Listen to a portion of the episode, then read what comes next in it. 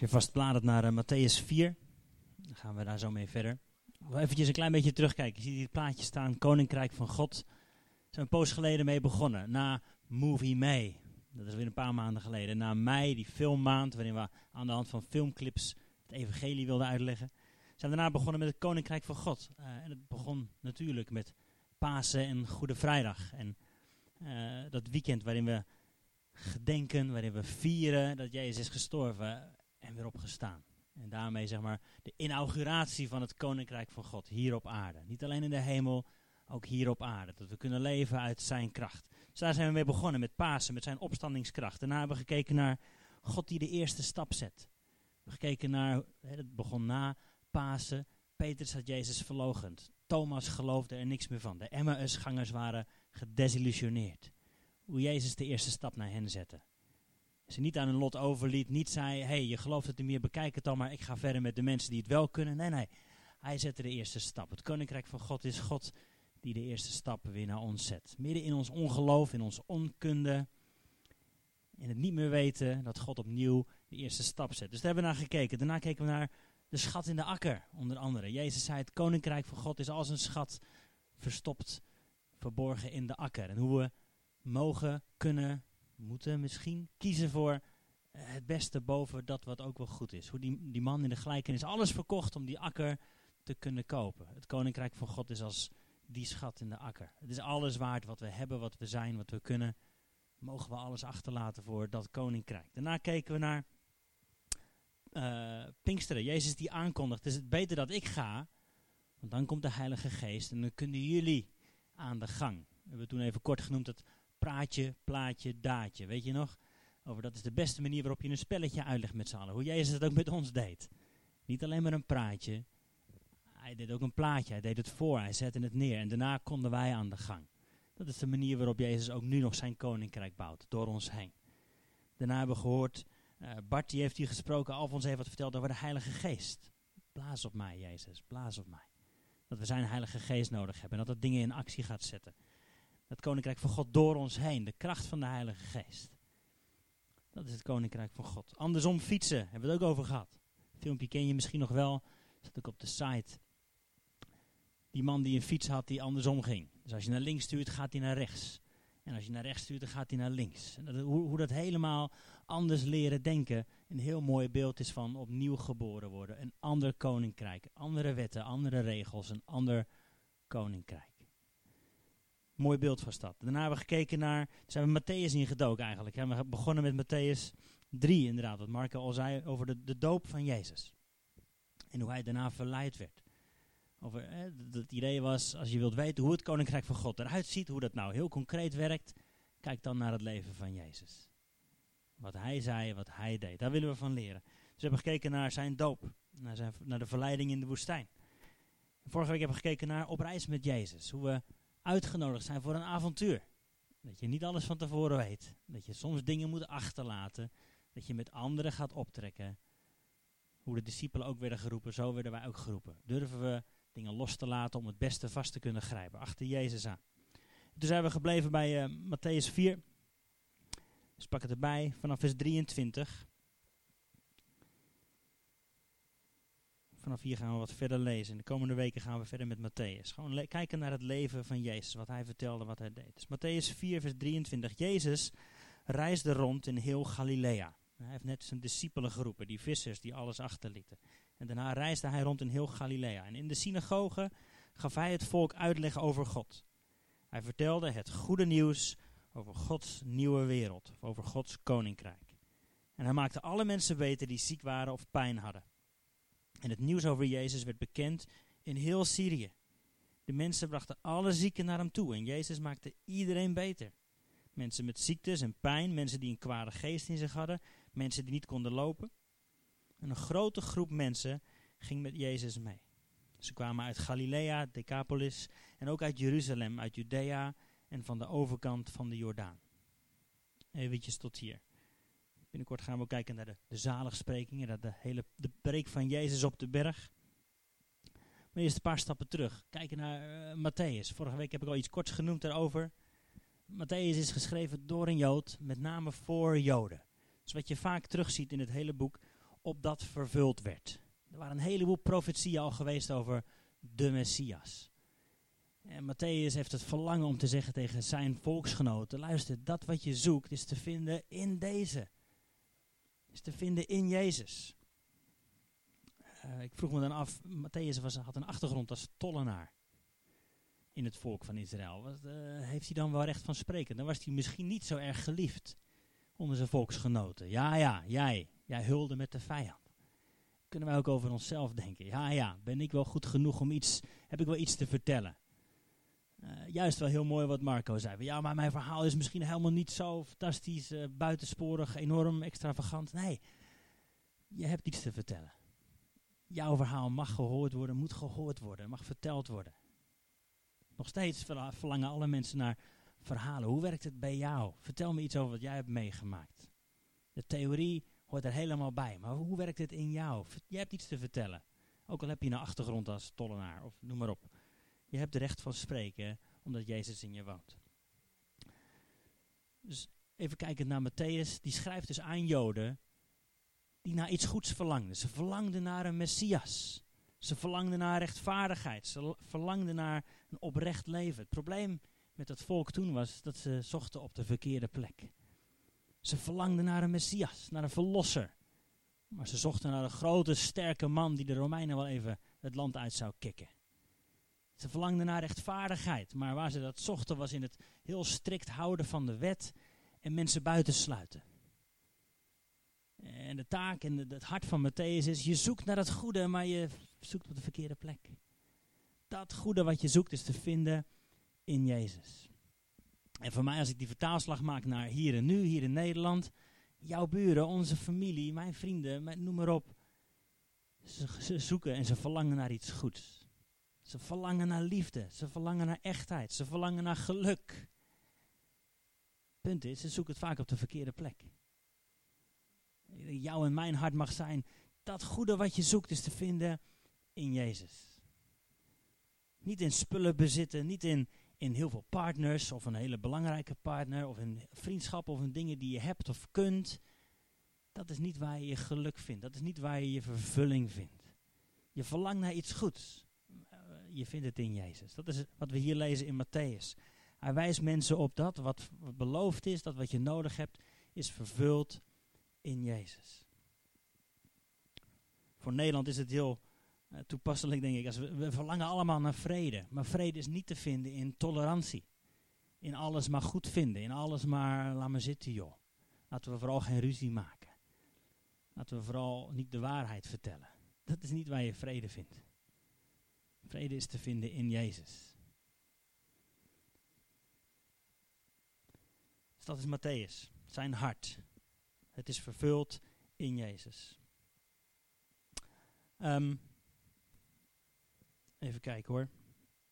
Ja. Voordat we naar de, de zaligsprekingen gaan, dan gaan we denk ik volgende week aan beginnen. Zat ik te denken, oké, Jezus is, is net begonnen, hij is net gedoopt. En dan heeft hij een paar discipelen geroepen.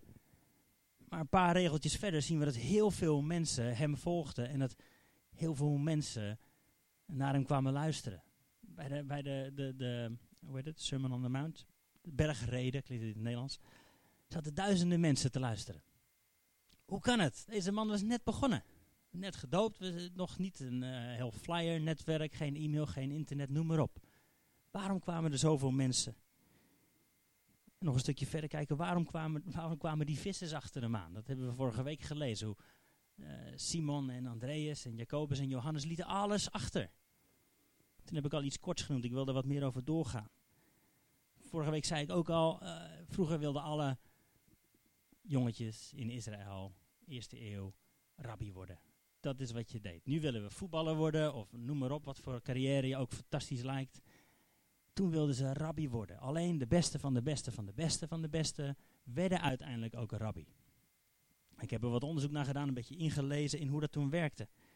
Als je rabbi wilde worden, moest je zes jaar oud, moest je het hele boek Leviticus kunnen opzeggen. Het is mij niet gelukt, ik ben ook geen rabbi geworden. Maar dat was een van de vereisten. En de manier waarop je dat dus uit je, uit je hoofd kon leren, was alleen maar via je vader. Want niet iedereen had een boekrol in huis. Dus je moest dat gaan leren. Leviticus, het boek met allerlei wetten en regeltjes en noem maar op. En als je dat als zesjarig jochie kon, dan werd je toegelaten op het volgende stadium. Er waren in totaal vijf stadia. En van 6 tot 12 zat je dan in die school. Ik heb het even opgezocht, dat noemden ze Bet Safar. Dat is het school van het boek. En aan het eind van die zes jaar, als je 12 jaar was, dan moest je niet alleen Leviticus, maar de hele Torah, de eerste vijf boeken van Mozes, moest je uit je hoofd kunnen uh, opnoemen. Niet dat alleen. je moest ook de juiste vragen kunnen stellen. Dat zie je nog steeds bij Joden, heel belangrijk. Dat zag je ook toen Jezus, hè, 12 jaar, gevonden werd in de tempel. Uh, de, de, de, de leraren van de wet waren verbaasd over de vragen die hij stelde. Hele mooie gedachte in het Jodendom. Je raakt nooit uitgepraat over God. Je kunt hem nooit helemaal begrijpen. Er zijn altijd wel meer vragen te stellen. Dus dat was een van de kenmerken. Als je dus de, de eerste vijf boeken op kon lepelen, zo uit je, uit je uh, hoofd kon. En de juiste vragen kon stellen. Als je dat was, als je de beste van de beste van de beste was, dan werd je uitgekozen door een rabbi om in zijn school van de rabbi, school van de discipel, de Bet Talmud te zijn. En dat duurde van 12 jaar tot 30 jaar. bij Jezus horen we niks van tussen 12 en 30. Dus we kunnen daar bijna wel van uitgaan dat hij in die school van de discipel was. Dat hij een van de beste van de beste van de beste leerlingen was. En natuurlijk weten we, als je terugkijkt, heel vaak wordt het gezegd, ja, Jezus was uh, zoon van een timmerman, dus hij was zelf ook wel timmerman. Ik geloof dat hij in die school van de discipel zat, om rabbi te worden. Uiteindelijk was dat het doel en kreeg je aanzien. Als je wil dat duizenden mensen naar je komen luisteren, moet je geen timmerman worden. In die cultuur in ieder geval niet.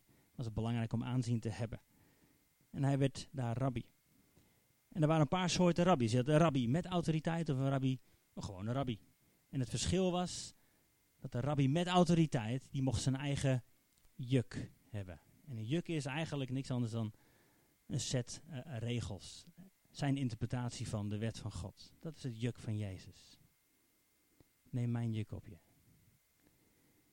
Maar goed, je werd niet zomaar rabbi met autoriteit. Alleen de beste van de beste van de beste van de beste. Eén keer in de zoveel generaties kwam er een keer een leraar met autoriteit. Een rabbi met autoriteit. Als je niet die autoriteit had, dan moest je het juk van jouw rabbi leren. En hoe weet je rabbi met autoriteit? Er moesten een paar getuigen zijn bij je doop. Als je 30 jaar was en je was klaar met die school van de rabbi, dan werd je gedoopt. En als er dan twee getuigen bij waren die zeiden, ja, deze man heeft autoriteit, dan werd je inderdaad een rabbi met autoriteit. En dat zien we terug in de doop van Jezus. Een paar weken geleden lazen we dat. Johannes daar staat bij het water en hij zegt, zie daar is het lam van God dat de zonde der wereld wegneemt. Ik ben niet waardig om zijn schoenen los te maken. Dat is de eerste getuige. En als Jezus opkomt uit het water, dan weten we, komt de stem uit de hemel. Die als het ware zegt, joh, als niemand anders verklaart dat hij autoriteit heeft, dan doe ik het zelf wel. Dit is mijn geliefde zoon. Doe wat hij zegt. Dus daar is Jezus, rabbi met autoriteit. Hij is onze leraar nu met autoriteit. Zijn juk. Ik vind het zo'n mooie gedachte. Zijn juk is zacht, zijn last is licht. Hij zegt: Neem mijn juk op je. Mijn interpretatie van de regels, mijn uitleg van de wet. En zijn uitleg van de wet is bijvoorbeeld die vrouw die uh, overspel aan het plegen was. Zeg maar inderdaad, gewoon was het aan het doen. En ze werd gevonden en ze werd meegenomen naar Jezus. En volgens de wet moest die vrouw dan ook gestenigd worden. En het juk van deze rabbi, het juk van Jezus, is dat hij in het zand zat te schrijven en haar niet veroordeelde. Hij legde deze wet op zijn manier uit. Hij zei, nou, je mag haar stenigen als je zelf zonder zonde bent. Dat is mijn juk. Dat zijn mijn regels. Dit is mijn interpretatie van wat God zegt. Dit is mijn hart. Dit is geen veroordeling. In zijn juk. Hele mooie gedachte vind ik dat. Als, als Jezus onze redder is, onze Heer is, onze rabbi is, onze leraar. Dan mogen we zijn juk verkondigen. En wat hij gedaan heeft toen hij begon te spreken, toen hij begon les te geven, is alle andere jukken heeft hij verbroken. Alle andere jukken zijn niet meer van toepassing. hoe kunnen we dat nou heel praktisch in ons leven zien? Net zongen we al, No more shame. Er is geen schaamte meer, er is geen veroordeling meer. Dat juk wat anderen ons hebben opgelegd is verbroken door het juk van onze rabbi. En op deze manier mogen we dat voor onszelf toe-eigenen. Alleen zijn juk wil ik nog dragen. Zijn juk is zacht, zijn last is licht. Maar dat juk mogen we ook meenemen naar buiten. Andere mooie gedachte is de discipelen die Jezus uitkoos. Hè, we wisten al, hij heeft die vissers geroepen. Dat waren zijn discipelen.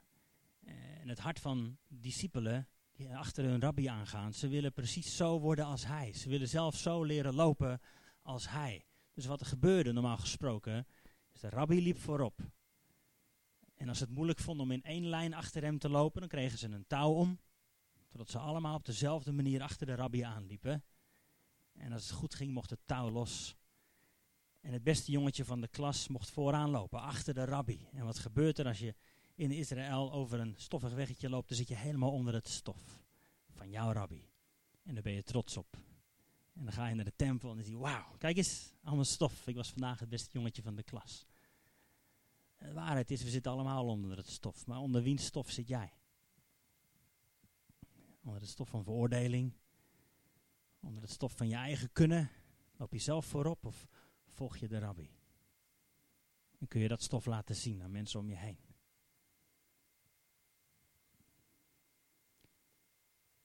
Het mooi om met deze gedachten straks af te sluiten en voor onszelf om daar wat mee te spelen met het juk van onze rabbi. Hij is gekomen om alle andere jukken te verbreken. En dat gaan we straks lezen volgende week. Of nou, volgende week gaan we het hebben over dopen. Maar die week daarna gaan we denk ik door met Matthäus 5, met de zaligsprekingen. Met die wet van Jezus, met zijn juk, met zijn interpretatie van wat er in Gods woord staat. Met zijn waarheid over het koninkrijk. Zalig zij die treuren, want zij zullen getroost worden, enzovoort. Daar gaan we dan naar kijken. Maar dat juk van onze rabbi.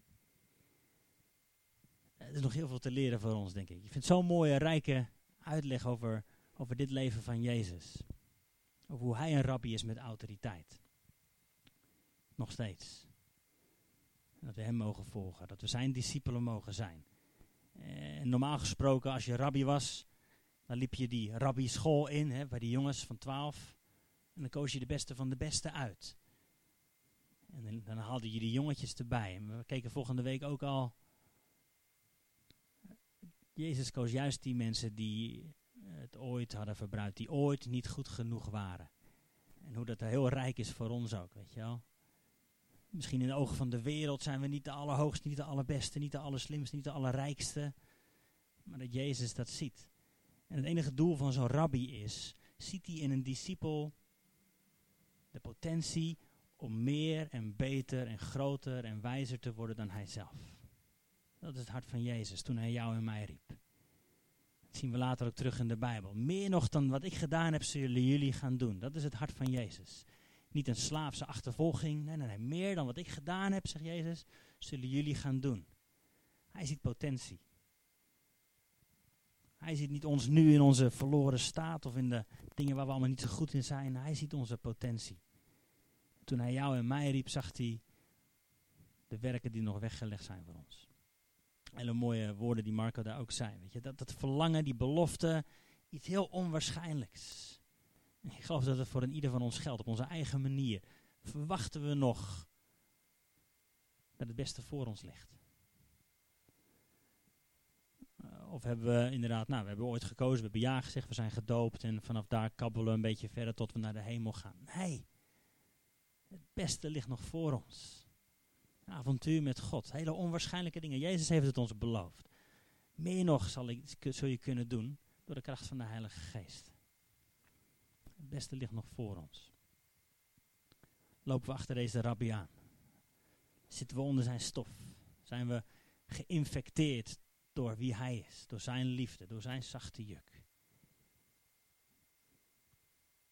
En ik wil je dit meegeven. Je accepteer geen ander juk meer. Dit is een veel beter juk voor jou en mij. Dit is geen schaamte, dit is geen veroordeling. Er is vrijheid en er is vrede. Dat is waar Joffrey net ook mee begon. Maar de geest des Heren is, is vrijheid. Als er gebieden zijn in jouw leven, dan willen we daar graag voor bidden. Dat de Heilige Geest op die gebieden komt. Er is vrijheid om niet meer te hoeven zondigen. Dat hoeft niet meer. We zijn geen slaaf meer van de zonde, we zijn vrij. Als je weet, er zijn gebieden in mijn leven waar die vrijheid nog moet doordringen, dan is de autoriteit in het juk van onze rabbi. De woorden die hij spreekt gelden vandaag. Dus vrijheid voor jou en mij. Zullen we gaan staan? Dan gaan we tijd nemen om samen nog wat te bidden.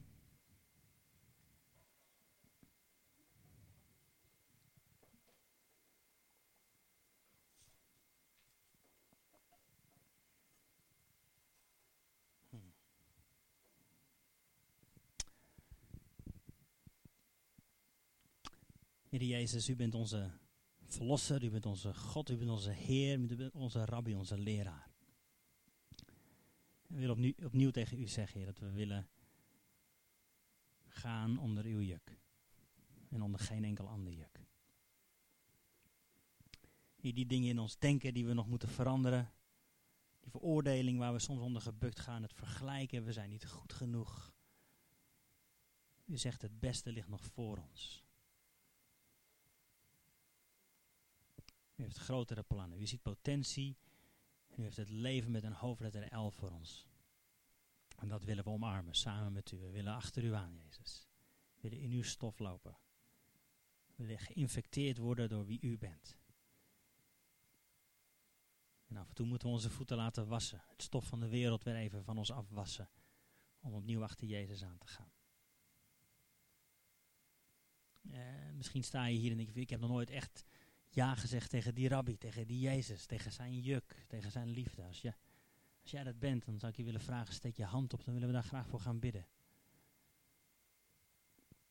Tegen ja, tegen Jezus. Voor de rest van ons misschien kunnen we gewoon heel eenvoudig onze handen opheffen. En als het ware dat juk opnieuw ontvangen. Geen enkel ander juk wil ik meer. Breek het van mij af, Jezus, zoals u het al eeuwen gedaan heeft. Wilt u het ook nu van mij afbreken? Dat er vrijheid is, dat er ruimte is om samen met u onder dat juk te gaan lopen.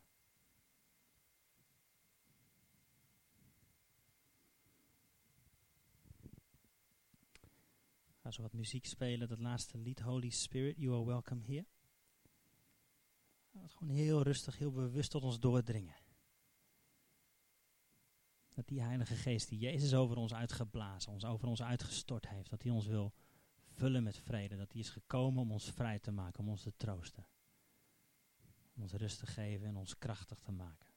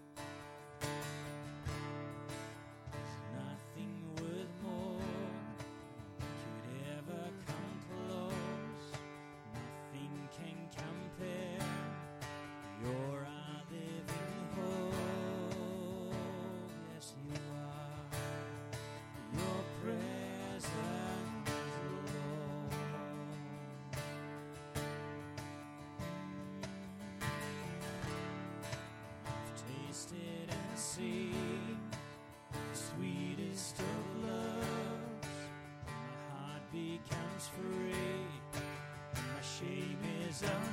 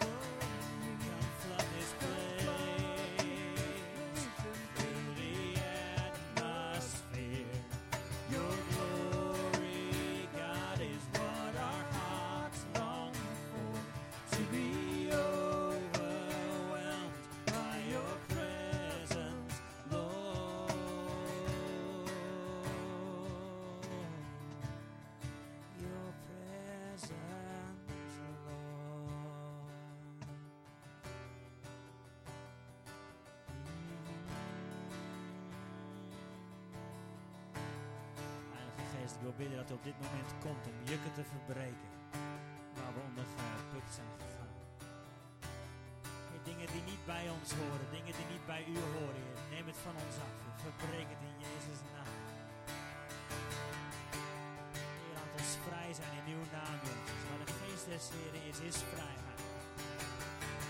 U bent welkom, Heilige Geest, om die vrijheid mee te delen op dit moment.